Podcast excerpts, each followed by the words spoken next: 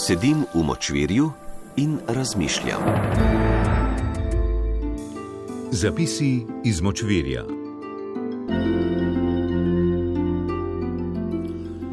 Danes pa nekaj o strokovnjakih.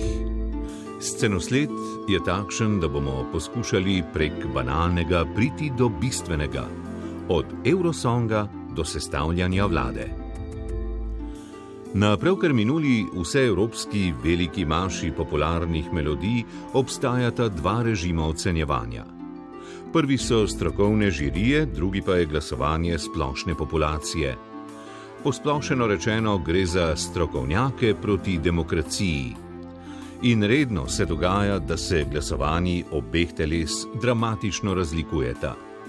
Kar se tiče Eurosonga, vzkliknemo: Hvala Bogu za demokracijo, kajti strokovne žirije, slovenska recimo, so namenjale najvišje število točk glasbenim stvaritvam, med katerimi so izvajalci popevali v povsem napačnih tonskih razmerjih.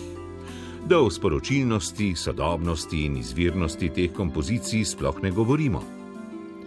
Kot rečeno, je na srečo demokratični glasovalni stroj na to postavil stvari na svoje mesto, in če smo povsem konkretni, Ukrajina ni zmagala, kot napačno navajajo režimski mediji in televizijski komentatorji, ker bi Evropa poskušala biti solidarna z Ukrajino, ampak ker je imela daleč najboljši komat, kot se reče.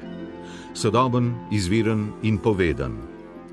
Ob bok se mu je lahko postavila le še srpska kompozicija, ki pa je sploh presegala običajne gabarite popevkanja in se je odpravila na podjane konceptualnega izražanja, kar pa je bilo za evropske strokovne komisije absolutno prezahtevno.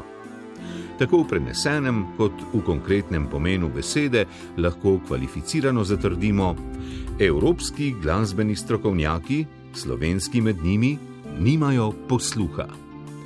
Hvala Bogu, kot rečeno, za evropsko popularno glasbeno demokracijo.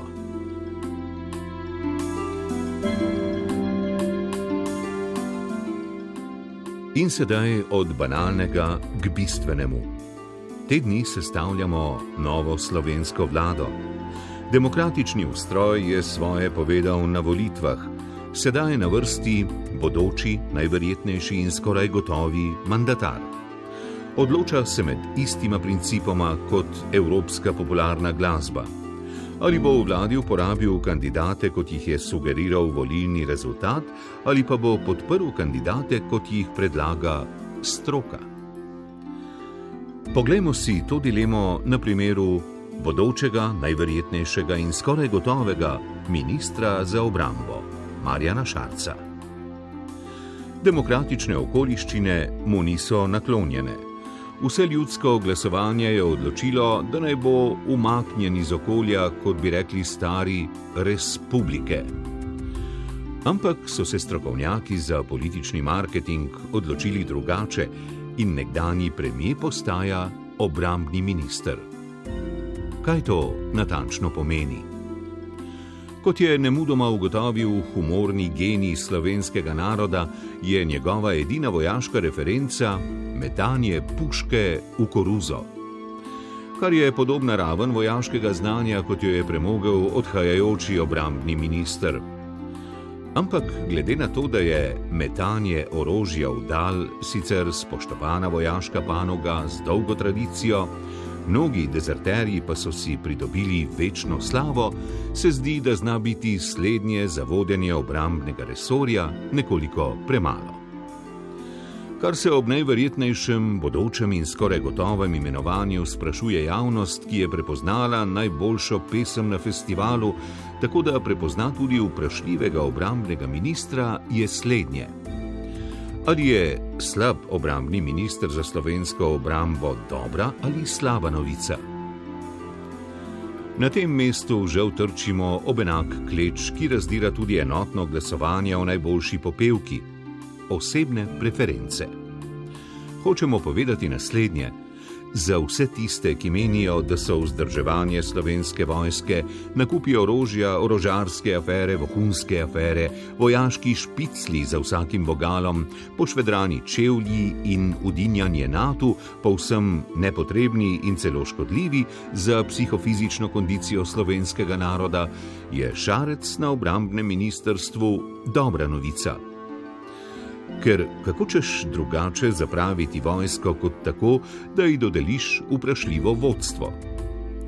Po drugi strani pa imamo tudi sodržavljane, ki menijo, da je obrambni sektor pomemben, da v njem ni zgolj vojske, temveč tudi nekatere civilno-družbene organizacije, pa pomemben sektor, v katerega spada tudi civilna zaščita in podobno. Za vse te je vprašljivo vodenje ministrstva seveda razumljeno kot nacionalna katastrofa. Ko so strokovnjaki torej izračunali, da so politični dobički združevanja liberalnega prostora pomembnejši od še enega vprašljivega mandata na vrhu obrambnega resorja, so dosegli novo zmago nad demokratično izraženo voljo. V bolj enostavnem okolju panevropskega popevkarskega festivala bi to pomenilo, da so ljudje sicer izbrali Ukrajino, zmagala pa je Velika Britanija. Na mesto iskrenosti, izražene sodobno, a v okvirih nacionalne melodične tradicije, bi zmagal vesoljski mojster Falzeta.